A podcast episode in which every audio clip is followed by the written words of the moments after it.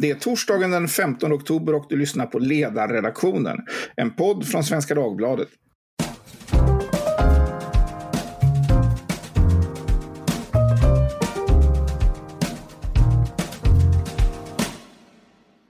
Jag heter Fredrik Johansson och idag kommer vi prata om framtiden för det svenska elsystemet.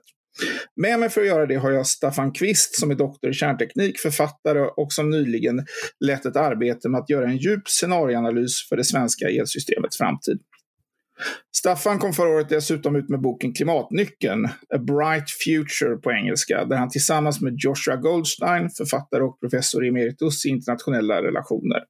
En bok som fick stor internationell uppmärksamhet eh, kring budskapet att kärnkraft var en avgörande del av lösningen på klimatfrågan och att Sverige var ett av de tydliga exemplen på varför detta hade fungerat och var rätt.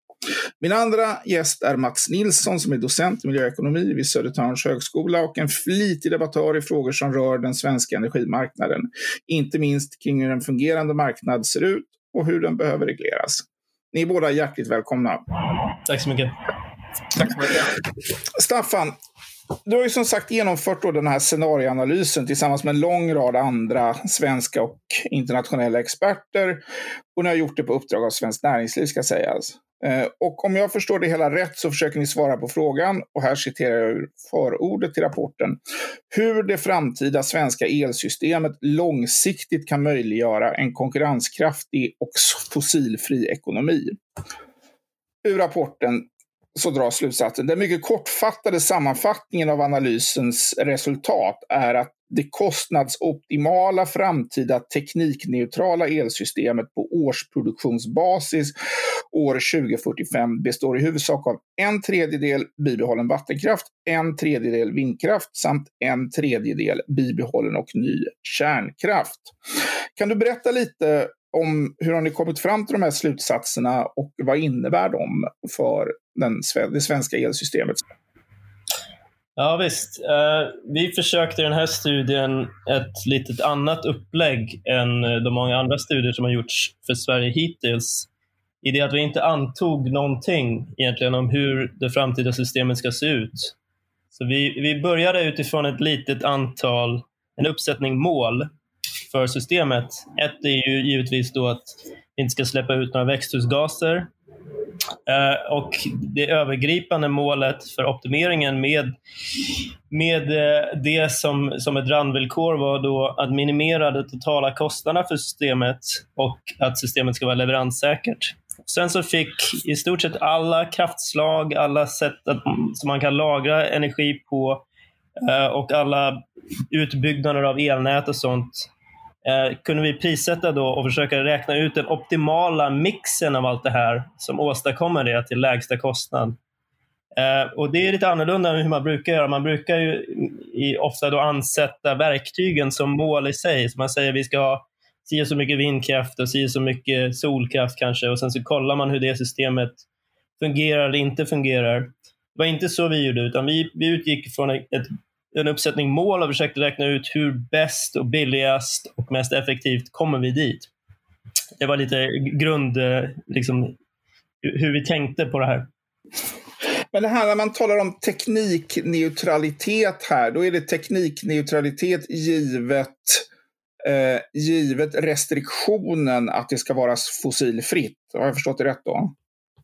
Ja, alltså det, det är teknikneutralitet i, i, på det sättet att vi inte förbjuder egentligen någonting, någon sorts teknik att vara med som ingångsvärde. Men sen så är det givetvis så att inte alla olika sorters teknik är med i det optimala systemet. Så om du till exempel har ett kolkraftverk som släpper ut massa koldioxid, men vi har en begränsning som säger att det svenska kraftsystemet ska inte släppa ut koldioxid. Då är det ganska givet att vi inte kommer ha kolkraft i det systemet. Eh, men, men principen är egentligen att inte förbjuda någonting eh, från start, utan se vad det resulterande systemet blir när man tillåter allting. Och Det är det som betyder teknikneutralitet. Då. Så vi säger inte egentligen ni och ni får vara med och ni och ni får inte vara med, utan vi ser egentligen vad, vad är det billigaste och bästa sättet att åstadkomma målen som vi har ställt upp med alla möjliga verktyg som vi kan överhuvudtaget tänka på. Parentetisk fråga där. Var, varför tror du att man eh, sätter målen så att säga, som resultat från början, eller medlen som mål på det sätt som du beskriver, när man annars gör den här typen av scenarioanalyser, att man definierar så att säga, att vi kommer behöva si och så mycket av respektive energislag. Är detta en, är detta en svensk bias när man gör sådana här, eh, såna här scenarier eller är detta, sker detta också internationellt om man har en lite bredare utblick över frågan? Ja, det, det både sker och inte sker internationellt. Eh, ofta sker det ju som en sammanblandning. Då. Eh, det är ju ganska vanligt att man har till exempel då ett, ett mål för hur mycket av, av el och energi som ska klassas som förnybar. Då. Eh, i många svenska studier så går man ett steg längre och säger att man ska si så mycket från olika förnybara energislag. Eh, och en grundläggande anledning till att göra så är att det är ganska lätt. Det är ganska enkelt att göra så. Analysen när man försöker optimera ett helt system är mycket mer komplicerat att göra. Och det är också mycket mer komplicerat att kommunicera. Det är mycket lätt att säga att vi ska ha si så mycket vindkraft och si så mycket kärnkraft och si så mycket av det. Och sen så kanske försökte räkna ut att det systemet kanske fungerar eller inte fungerar, eller blir dyrt eller blir billigt. Eh, det är mycket svårare att både utföra och kommunicera en, en riktig optimeringsstudie. Så det finns ganska många, mycket incitament att inte göra det vi gjorde. Okej. Okay. Och eh, ni landar då i, om, som jag sa, en tredjedel bibehållen vattenkraft, en tredjedel vindkraft samt en tredjedel bibehållen och ny kärnkraft, roughly. Eh, det stämmer va? Ja, alltså vi har ju gjort ganska många olika scenariouträkningar med olika ingångsvärden och det är eh, ehm, de teknikneutrala scenarierna varierar kring det medelvärdet ungefär. Ja. Vattenkraften är ju kvar i alla scenarier. Eh, det vi ser i teknikneutrala scenarier är att den existerande kärnkraften är kvar i alla scenarier. Och sen så beroende på ingångsvärdena specifikt för varje scenario då, så kan vi se en, en viss eh, annan mix i hur mycket ny vindkraft och hur mycket ny kärnkraft vi ser. Men, men alla scenarioresultat är runt det medelvärdet. Och det du laborerar med här, det är priser på marknaden, kalkylräntor och så vidare om jag har förstått det rätt? Det vi kollar på, det vi varierar i ingångsvärdena är ju till exempel hur mycket tror vi att eh, olika kraftslag kommer kosta i framtiden, fram 2045. Då. Så framförallt då på 2030-talet när det här systemet kommer behöva byggas upp. Eh, och eh, till exempel handelsförhållanden. Vad händer i våra grannländer? Vilken kalkylränta ansätter vi för alla investeringar i systemet? Hur mycket flexibilitet antar vi kommer bli möjliggjord i systemet på, på kons konsumtionssidan? eh, och sådana saker. Så det är sådana saker som vi varierar för att få olika scenarier. Då. Inget är mer sannolikt än något annat. Det är bara för att täcka in olika möjliga eh, framtida ingångsvärden. Då. Vad kostar då det här, givet att vi skulle gå på den här, på den här linjen och vi skulle få ett, eh, ett fossilfritt Eh, system då till 2045. Vad, pratar vi om för investeringsvolymer här? Jag antar att det är ganska svårt att säga någonting ja, superexakt om det, men vad, vilka, vilka spann landar man i? Alltså, det svenska kraftsystemet är redan fossilfritt i stort sett. Vi har lite kraftvärme nu, men vi bränner sopor som annars skulle ligga på på deponi och släppa ut CO2. Så det svenska kraftsystemet är redan CO2-fritt. Det måste man ändå eh, säga. Så det är inte en kostnad att gå från ett utsläppande svenskt system till ett system som släpper ut. Jag, jag, tror att det var Staffan som fnissade i bakgrunden där. Men, men det, får man, det, får man, inte glömma. Alltså att vi har redan ett svenskt kraftsystem som är CO2-fritt. Frågan är hur vi 2045 ska bibehålla ett CO2-fritt system med, med konkurrenskraftiga eh, elpriser. Okej, okay. om jag då omformulerar den här frågan och säger att mm, snarare då vilka investeringar ser vi framför oss till 2045 om vi ska bibehålla det redan fossilfria svenska elsystemet? Ja, jag tycker att Mats gjorde ett utmärkt eh, inspel där med att eh, tydliggöra att det, nuvarande svenska kraftsystemet är ju fossilfritt och har varit så väldigt länge, till största del i alla fall. Uh, utmaningen som vi ser framför oss investerare är inte bara att bibehålla det systemet, utan det vi ser och varför vi använder 2045 som målår är för att en stor del av det svenska kraftsystemet som vi har idag kommer att pensioneras kring då om vi inte reinvesterar i det. Så det gäller all vindkraft som vi har byggt på senare år och bygger just nu kommer att pensioneras någon gång på 2040-talet. Samt all kärnkraft vi har, om vi inte investerar i den, kommer också pensioneras på 2040-talet. Eh, så, så det gäller att ersätta all den kraften. Sen har vi ett ökande elbehov för att bli fossilfri i ekonomin. Och allt det här lagt tillsammans innebär ganska stort behov av ny kraftproduktion. Då.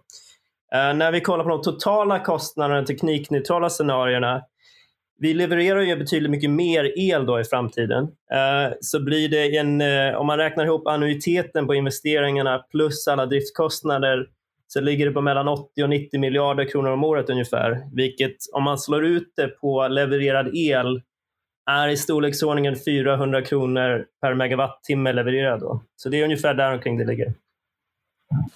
Okej, okay. och om man jämför det med de scenarier som ni också har gjort då på ett eh, förnybart eh, elsystem. Vad, vad, vad händer med kalkylerna då ekonomiskt och vad händer med eh, balansen eller strukturen på elsystemet om man istället väljer då det som då politiskt ligger i korten i Sverige, så att säga hundraprocentigt förnybart Eh, elsystem. Alltså när man börjar ta teknikalternativ bort från menyn, så att säga, när man, redan när man börjar analysen så blir det alltid sämre. Det kan aldrig bli bättre. Och Det ser vi också. Det blir betydligt dyrare system som är betydligt mindre leveranssäkra och mindre säkra mot störningar.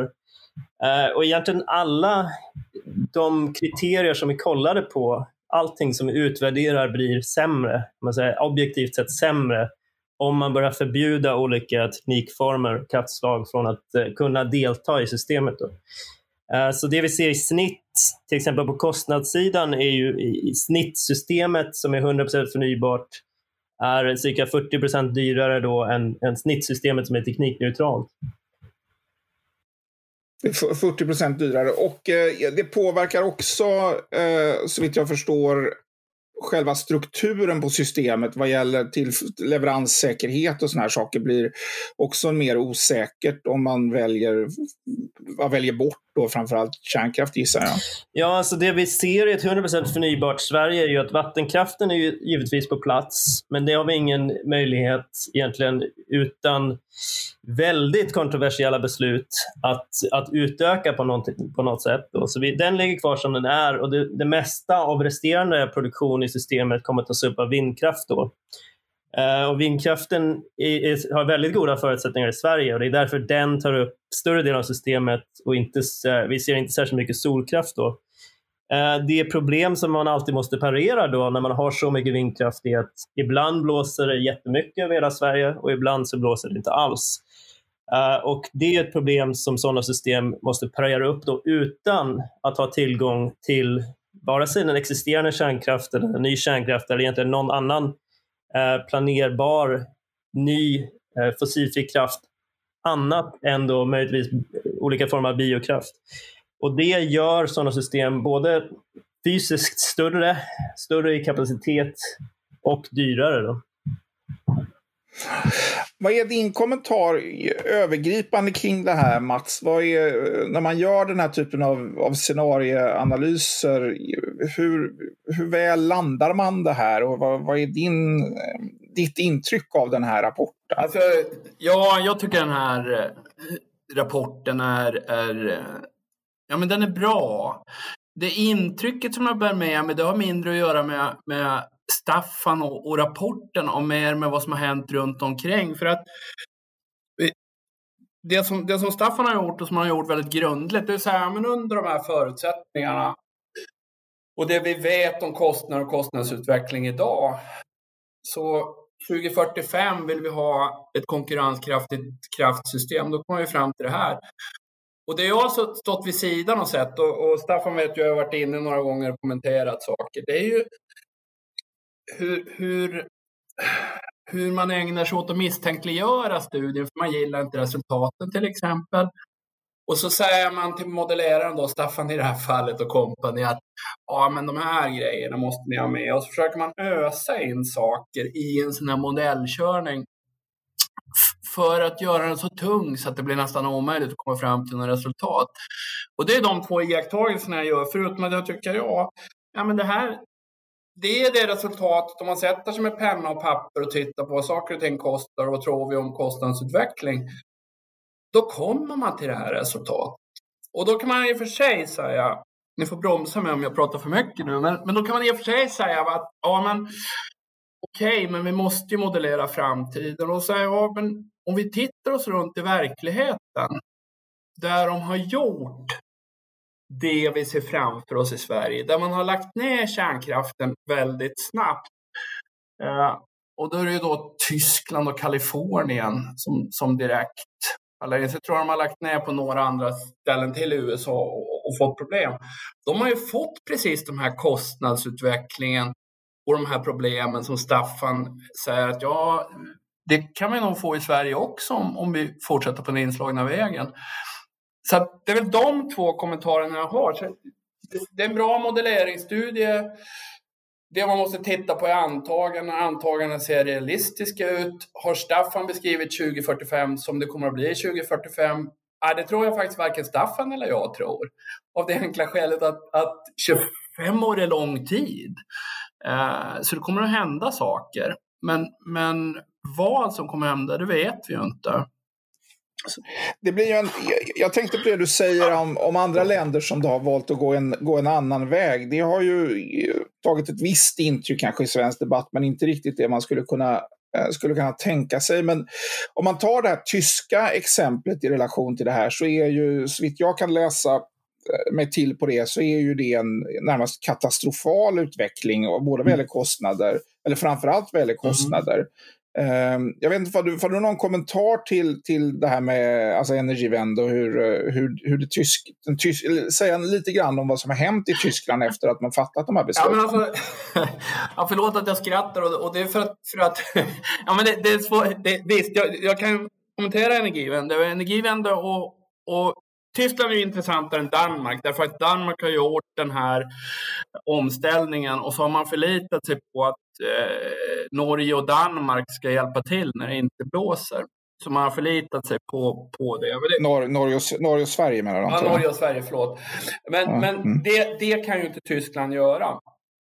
Så att, vad tyskarna har gjort, det är att man har på ett existerande system som man behöver för att hålla, för att hålla lyserna på. Så har man adderat förnybart, vind och sol. Eh, men man har egentligen inte lyckats ta bort någonting, eh, CO2, det, alltså som, som, som eh, genererar CO2.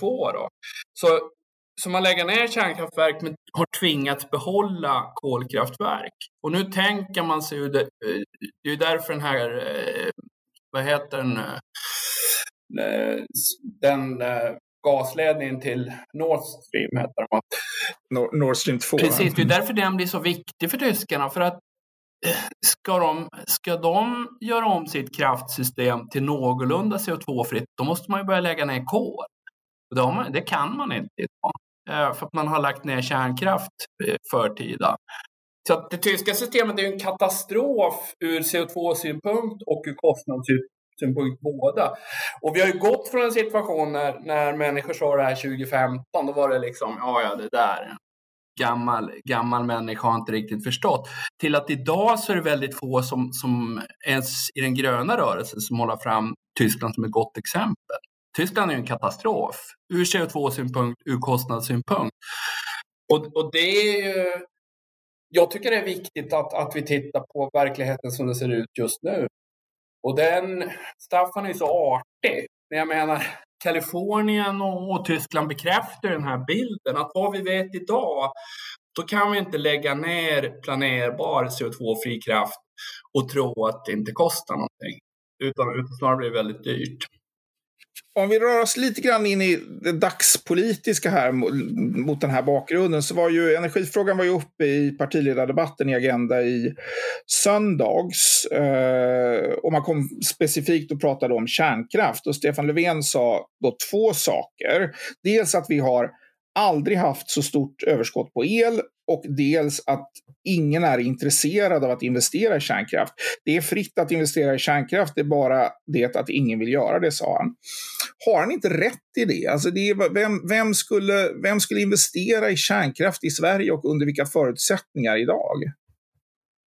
Jag vet inte vad Staffan vill, eh, det är en väldigt specifik fråga angående Sverige, vad Staffan kanske vill kommentera det vad gäller alltså generellt investeringar i kärnkraft. Vem är intresserad av att investera i kärnkraft idag? Jag tycker att det, jag tycker att det är kul att Mats äh, tycker att jag är hövlig. Jag kommer säga att, äh, som, som jag sa till dig tidigare Fredrik, alltså jag personligen klarar inte av att se politiker diskutera energirelaterad äh, överhuvudtaget. Jag måste alltså stänga av tv eller, eller stream och koppla upp mig igen för att det blir för jobbigt för mig att se på oftast. Och nej, det stämmer.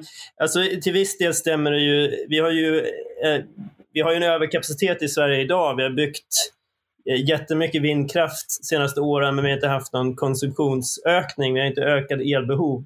Så att vi behöver ju egentligen, vi har inget behov av att bygga någonting, eh, vare sig den, den vindkraft vi håller på att bygga nu eller ny kärnkraft eh, fram till åtminstone 20 och 30-tal idag. Så på så sätt så stämmer väl det på årsbasis. Eh, sen är det ju fullständigt felaktigt att säga att vem som helst får bygga kärnkraft. Eh, du får bara bygga, eh, enligt lagen idag, kärnkraft på tre ställen som ägs av två bolag. Så det är total oligopol som är absolut inte fritt för någon. Sen har du dessutom ett, en energiöverenskommelse som säger att hela systemet ska vara förnybart eh, som lägger en våt filt över någon som helst tanke på att göra någonting åt det hållet. Så, att, eh, så det, är, det är ju fullständig fantasi att påstå det. Vad är din kommentar till detta Mats? Ja, men, ja det, jag, jag skulle vilja säga några saker. Alltså, för det första så har vi i hela nordvästeuropa då subventionerat sönder eh, elmarknaden. Så att vi, vi har ju priser ganska ofta under kostnader, även under vindkraftens kostnader. Och det uppstår ju en diskussion nu, ska vi bygga mer vindkraft för den kannibaliserar på sig själv när det blåser. Så att vi inte diskuterar investeringar i det här klimatet just nu, ja men det förstår jag. Eh, skulle, vi, skulle vi låta det hända som ser ut att hända, att subventionerna sakta men säkert börjar fasas ut, då kommer vi få en investeringsdiskussion igen eh, även i Sverige. Och, och, ja, till att börja med så, så, är det inte jättedyrt att uppgradera existerande kärnkraftverk. Så det tror jag kommer att hända. De investeringarna kommer att ske om vi inte, om vi inte då mot förmodan gör, gör som tyskarna och säger att all kärnkraft måste läggas ner. Men säger man att kärnkraften får existera, då kommer de här uppgraderingarna att göras. För de, de är jättelönsamma. Det, det, ska bli väldigt låga priser under så lång tid att då är ingenting lönsamt och det, det kommer vi förmodligen inte att se. Nej, men jag, jag tänkte, det finns ju detta är ju, är ju högaktuellt då med anledning av, eh, av Ringhals 1 och det beslut som då Vattenfall har, har fattat där som jag inte har någon vare sig kunskap eller anledning att ifrågasätta. Men det är ju, det är ju en, en kärnkraftsanläggning som man då väljer att, att stänga trots att den då Eh, alltså den spelade ju stor roll under sommaren då när det slöts ett särskilt avtal mellan Svenska kraftnät och Ringhals för att, eh, ja, för att hålla stamnätet igång så vitt jag förstår. Eh, och, men det, är ju, det, det, kommersiella beslutet här är ju inte att investera utan att, utan att, uh, att, att, låta det stänga. Så det verkar ju det verkar vara kloka människor på ja, företaget som fattar det här beslutet. Det är kloka människor på Vattenfall. Det, det, det är klart att det är så. Uh, sen är ju Sen är det väl så att för Vattenfalls del så stänger man en anläggning så går ju priserna upp för alla andra anläggningar som är kvar. Så det finns en portföljeffekt som man inte ska glömma. Och sen är ju... Eh, ja, jag vet faktiskt inte de tekniska förutsättningarna för Ringhals. Jag har svårt att tro nu eh, att inte Ringhals skulle vara lönsamt ett par år till. Men när man fattade beslutet och kärnkraftsbeslutet är långsiktiga, då, då var det säkert rim och reson. Här pratar vi 2016. Men mm. jag vet faktiskt inte om, även om, om till och med Vattenfall skulle göra ett en, en ny översyn om de skulle komma fram till att ah, vi bör lägga ner Ringhals 1. Eh, eh. Och det där har det ju varit en politisk diskussion om också. Det är ju det som gör att det blir, det blir ju det blir väldigt kletigt på flera plan. Så att säga, liksom där man, det, och det är det här beslutet samhällsekonomiskt riktigt, även om så att säga, det är företagsekonomiskt riktigt. Eller, alltså det, det är en, eh, det blir, och det har väl från politiskt håll då rests frågan att det här borde liksom överprövas på, på något sätt. Jag vet inte om du vill specifikt, komment, specifikt kommentera Ringhals, Staffan? Det jag, kanske... jag kan gärna kommentera det i, i, ja. som representant för mig själv, inte som representant för, eh, för Svenskt Näringsliv eller det projektet. Vi valde ju att bara inkludera Ringhals 1 och 2 i en modellering av alla de vi gjorde. Och där kan vi ju se att ja visst, det investeringen i Ringhals 1 och 2 som vi gjorde då är samhällsekonomiskt lönsamt. Uh, och uh, det, det, är utan tvekan så. Alltså vi har idag egentligen en, en fantastisk startpunkt att gå mot ett, en, en högre elkonsumtion och produktionssystem som är fossilfritt från fossilfri ekonomi 2045. Om vi låter den nya vindkraften som kommer in på systemet sitta ovanpå den planerbara kraften som vi redan har, då har vi en fantastisk utgångspunkt. Om vi låter den slå sönder och slå ut den planerbara kraftproduktion vi har, då har vi gjort en otroligt bra björntjänst framåt. Eh, och det vi ser det är en ganska konstig dynamik då. Eh, den vindkraft som byggs idag i, eh, i till exempel SE2 då i, i norr har ju, om man försöker räkna ut vad man kan ha för avkastningskrav på de, de investeringarna så är väl kanske nästan ingenting. Alltså det, det, är svårt att se hur någon skulle kunna tjäna pengar på de projekten idag. Medan om Vattenfall ska försöka investera i Ringhals så har man avkastningskrav på 8-10 procent. Och den dynamiken leder ju till en, en samhällsekonomiskt suboptimal situation då, eh, där man låter eh, Istället för att lägga vindkraft som är kostnadseffektiv i Sverige på det planerbara systemet och ha det planerbara systemet kvar i drift, då, så låter man slå ut det planerbara systemet. Och det, det är ju samhällsekonomiskt väldigt, väldigt olyckligt. Ja, och det blir ju också, kan vi förlåt, jag, jag bara säger det, man kan också tillägga att det blir ju också en mycket udda politisk diskussion där så att säga, de här besluten kring kärnkraften uppfattas då fattas på i grunden marknadsekonomiska grunder i ett system som då är, är eh, genomtryfferat med inte minst då de här subventionerna ni pratar om. Så att det är ju incitamenten jag kan inte, jag kan, det kan ni bättre bedöma hur förryckta incitamenten för investeringar är, men att det, att det inte är en traditionell rak marknad här verkar ju eh, entydigt. Men, men, Förlåt Mats. Ja, nej, det är jag som ska be om ursäkt. Men, ja, men, men, men jag bara, jag, jag, känner, för det var ju i, i våras eller i juni någon gång så var det sju professorer som kände sig föranlåtna att skriva att ja, det är inte ekonomiskt att investera i kärnkraft. Och så känner Löfven att ja, jag måste säga det på partiledardebatten. Ja, fast om det inte är ekonomiskt, då måste vi nästan förutsätta att om inte staten tänker hitta på några subventioner, och det tror ju ingen. Det tror faktiskt ingen. Varför är det viktigt att föra fram det här? Och, och jag tror det är viktigt därför att det finns en grupp eh, det finns en grupp som, som inser att äh, men Livstidsförlängningar, det är ekonomiskt. Det kommer de här företagen att vilja göra. Ringhals 1, vi kan diskutera samhällsekonomin och företagsekonomin där. Och vi vet för lite tekniskt. Eh, det kan vara så att man måste göra saker som är ganska dyra. Det är det Vattenfall säger. Och, och, och det kan vi inte vi egentligen avgöra här. Men jag tror man är rädd för en sån här sak som att om det är så nästa generations kärnkraft blir så billigt så man kan börja elda avfallet och då förkorta ner den här livslängden på avfallet till, till hundratals år istället för hundratusentals år. Det är ju en jättegrej. Man är rädd för att den diskussionen ska komma in och läcka in och vi, vi ska i någon bemärkelse börja vilja forska på det här i Sverige. Det är, det är nästan bara kineser och ryssar och lite fransmän som gör nu. Det kan ju geopolitiskt bli väldigt stort. Sen är det det här med små reaktorer som, som finnarna och esterna går på ganska stort nu. Att, ja, vi kanske kan bygga kärnkraftreaktorer som är, är små men väldigt, väldigt säkra. Och de kan nog bli kommersiella, det, det, det, tror jag. Och om de blir kommersiella, ska vi då släppa in dem? Så det är liksom, den här diskussionen förs preventivt i, i någon, ja, jag vet inte, det finns en agenda bakom det. Men för min del finns det ju ingen anledning för statsministern att säga att företagen tycker att det är ekonomiskt. Nej, men gör de inte det, då behöver vi inte ens kommentera det. Alltså, jag förstår inte vad faran är här. Om man tittar, tittar på internationella eh, investeringar i kärnkraft så Finland har, har ju då hållit på att bygga, bygga ja. ja, eh, under, under väldigt, väldigt lång tid. Ja. Kommer, den, kommer den gå att räkna hem, den anläggningen?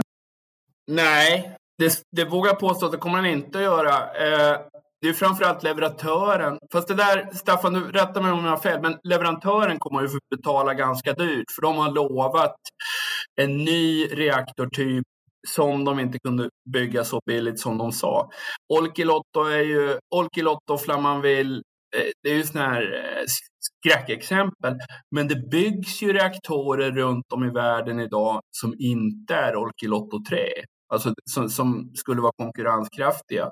Och Fennovoima, som ryssarna vill bygga, då, Rosatom, de bygger ju reaktorer runt om i hela världen. De kommer nog kunna bygga en, en eh, konkurrenskraftig reaktor.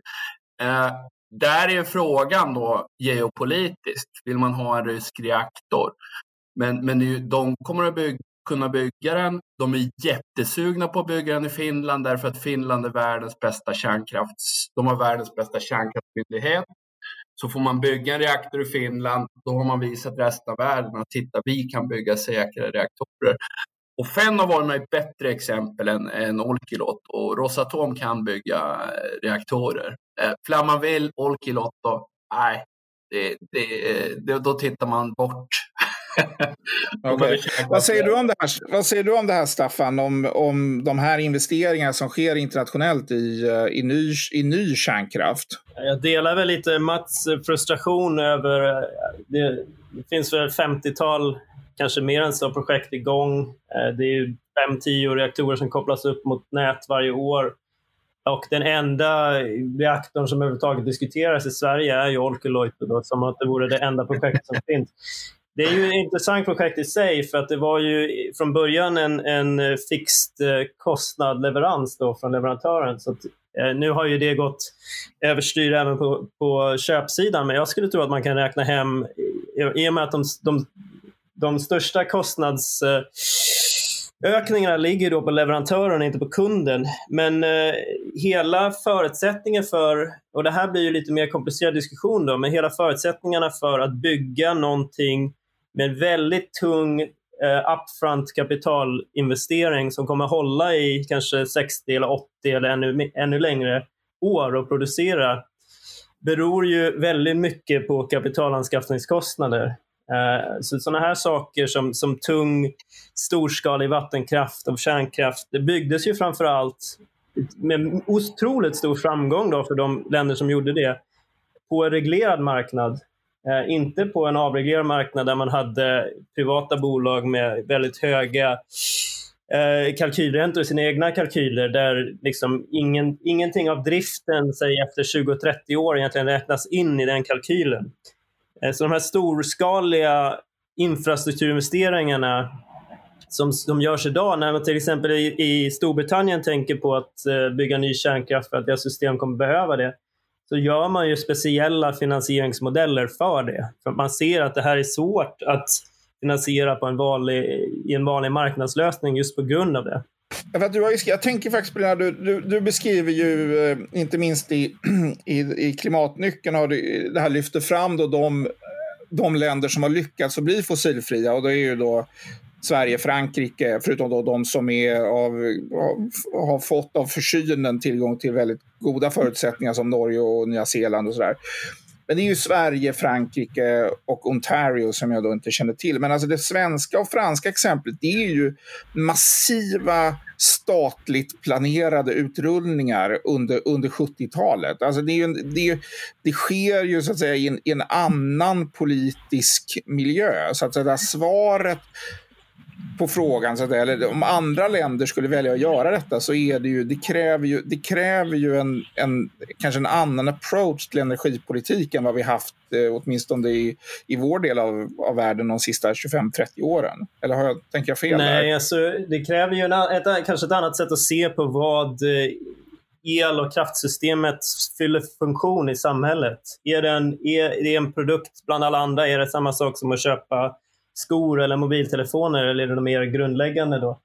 Eh, men så kan man ju, det kan man ju också poängtera då att i stort sett all kraftproduktion som vi har, inte bara i Sverige utan i hela världen, har ju antingen byggts på en reglerad och planerad marknad eller genom aktiva direkta subventioner. Det är väldigt, väldigt lite fossilfri kraftproduktionskapacitet som har byggts överhuvudtaget någonstans på en fri marknad. Och i stort sett ingen långvarig, liksom, någonting som håller i många år och som ska räknas av på många år då, som har byggts på en sån marknad. Det, den marknaden är inte lämplig för sådana investeringar. Och det, det sa man ju inför den svenska elmarknadsavreglerarna också. Det är precis så det kommer bli. Och det är precis så det blev. Vad säger du Mats om detta? Är, det, är detta, inte, detta är inte någonting som fungerar att göra på en, på en normal marknad utan vi kommer behöva stor, stora statliga penseldrag för att få det här i hamn? Eller är det så att om man tittar på exempelvis det du pratade om tidigare kring mer småskalig kärnkraftsteknik, att det ändå det kommer att kunna, kunna finansieras och rullas ut på mer under mer vanliga kommersiella förutsättningar. Ja, jag, är mer, jag är mer optimistisk eh, kring det. Jag, jag, tror, hade vi inte haft en massiv, eh, så, så massiva subventionssystem så hade vi fått eh, eh, då hade vi fått investeringar i kärnkraft. Och finnarna, alltså vi kan säga mycket om Olkiluoto och vi kan säga mycket om Fennovoima, de två finska projekten, men det är ju inte så att staten har gått in tungt där och sagt att ja, men vi, vi kommer att bidra. Så här, utan utan det den finska staten gör det är så att vi sitter still i båten. Liksom. Bygger ni så, så är vår, vår absoluta övertygelse att ni ska få tjäna igen pengarna om ni tror att det kommer rulla in. Så att, visst tror jag det går, men, men det, går inte, det går inte att konkurrera med subventioner. Eh, och då, då får man vänta tills, tills det har liksom läkt ut. Men, men EU ETS kommer att göra det lönsamt att investera i, i eh, fossilfri produktion.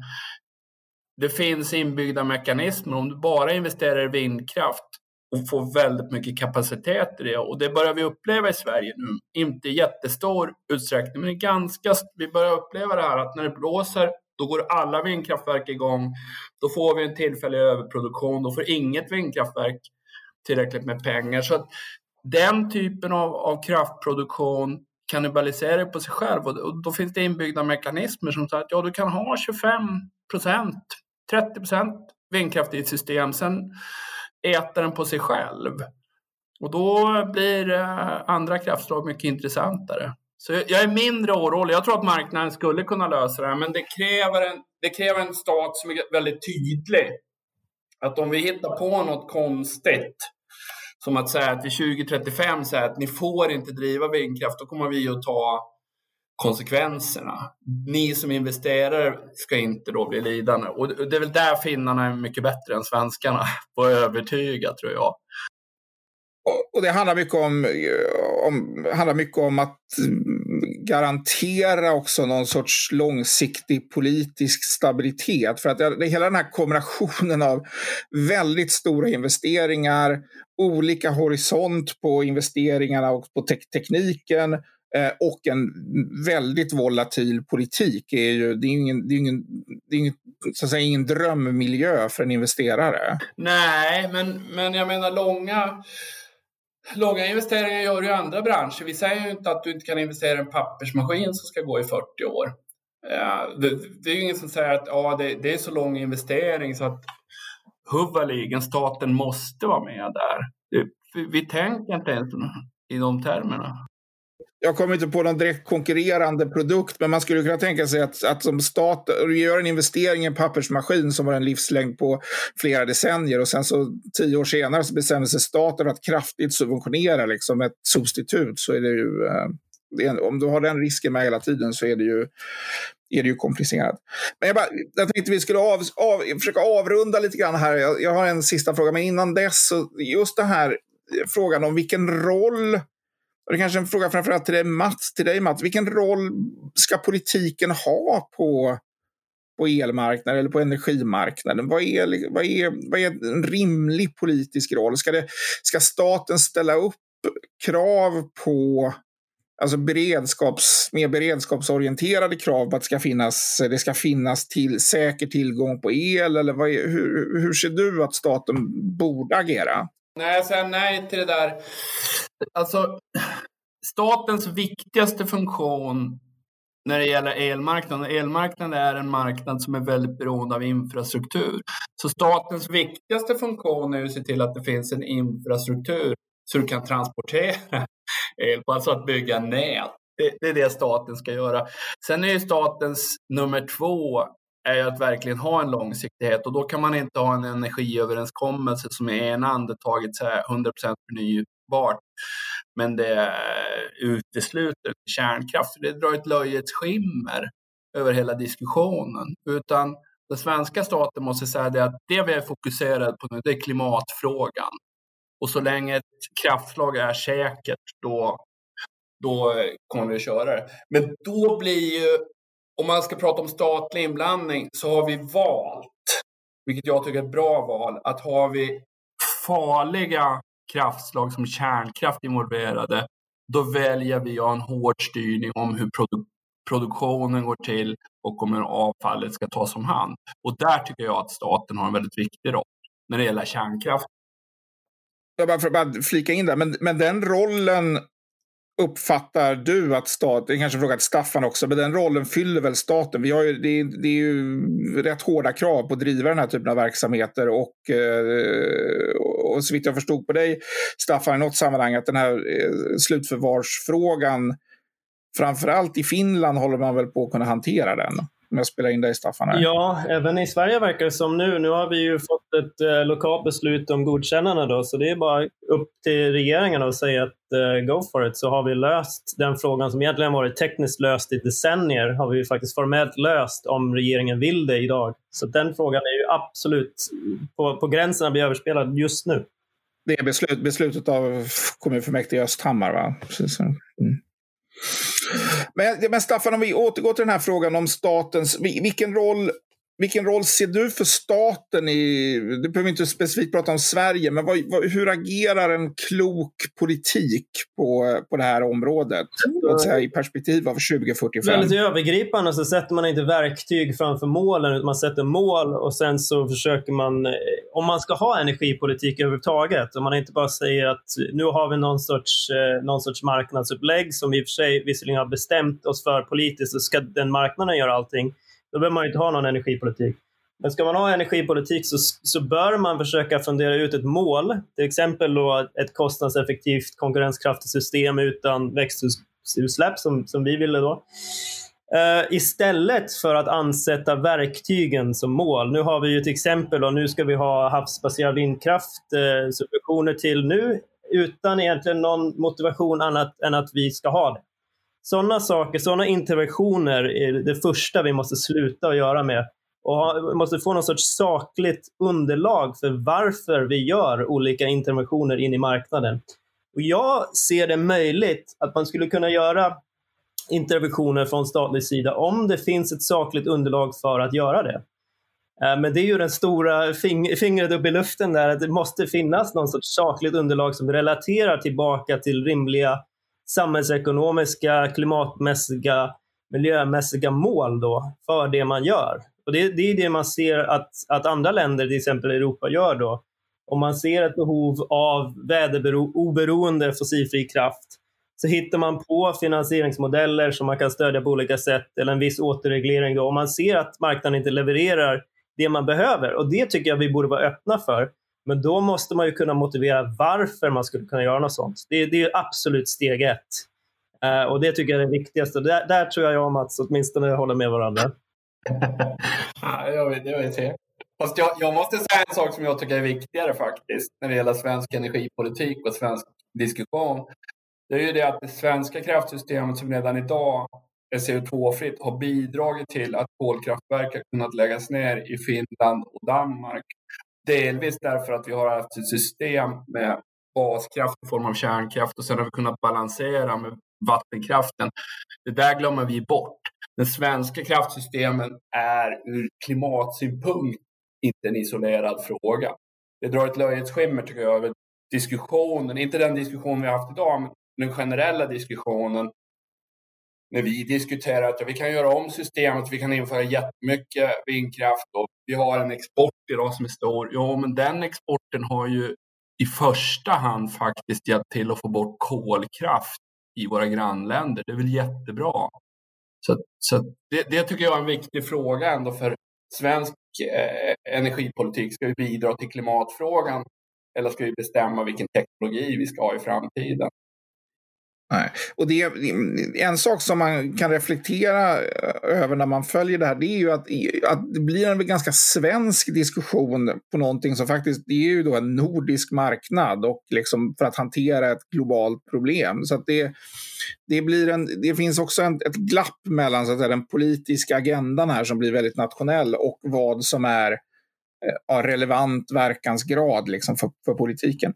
Men jag tycker att det här med, det här med att, eh, att eh, det stora misstaget är att göra medel till mål, det låter ju som en ganska bra sammanfattning av den här diskussionen, det du sa Staffan, att vi, vi, behöver, en, vi behöver en energi och klimatpolitik som är inriktad på, på målen och som inte blandar in medel bland målen. Om vi avslutar med en sista fråga angående det kanske blir alldeles för simpelt för det här. Men kommer vi 2040 ha 100% förnybart eller 100% fossilfritt eller inget era? Om vi börjar med dig Mats. Vi kommer ha 100 fossilfritt. Absolut. Absolut. Som vi har, som vi har idag, ja. Precis. Ja, men, men också, också att den här kraftvärmen som vi har idag som eldas upp och sånt där. Där kommer vi utveckla tekniker för att ta hand om eh, den CO2 som släpps ut. Det här eh, carbon capture and storage. Det tror jag vi kommer att ha till 2040, absolut.